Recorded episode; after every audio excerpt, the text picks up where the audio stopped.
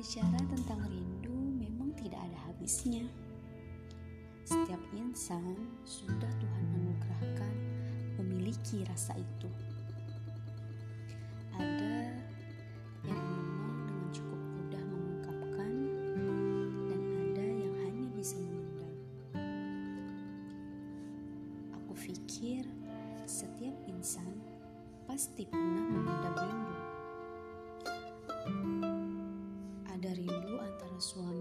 Istri karena LDRan.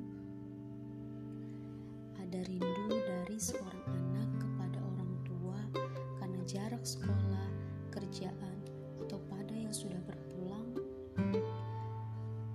Ada juga rindu dari seseorang untuk teman lama yang mungkin kini sudah tidak ada kabar atau bahkan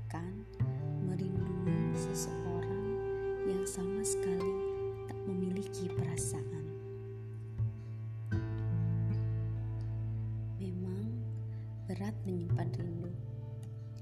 Terlebih hari ini rindu itu harus dipendam dengan waktu yang sangat panjang. Ya, dunia tengah mengalami pandemi dan kita harus beradaptasi menyimpan kerinduan seorang diri yang biasanya bertemu setiap hari harus menunda menjadi nanti yang bertemu seminggu sekali terpaksa menjadi lebih lama lagi dan yang bertemu lama sekali harus jauh lebih sabar lagi. Seperti kalau tuara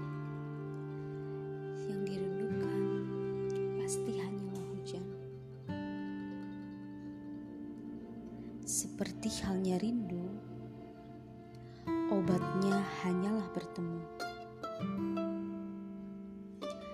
Tapi sampai detik ini, aku masih yakin ini hanyalah sementara. Akan ada waktunya, semua akan kembali menjadi seperti semula. Toh kemarin kita masih bisa bebas berjumpa. Beberapa tahun yang lalu, kita masih dengan mudah bersua tanpa syarat ataupun kendala. Benar kan?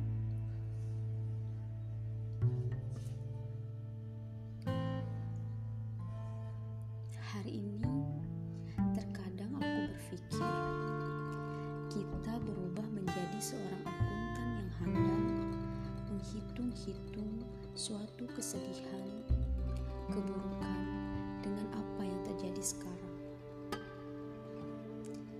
Dan kita menjadi seorang pelupa akut dengan melupakan semua kebahagiaan, kebaikan, dan keberkahan yang kemarin sudah Tuhan berikan.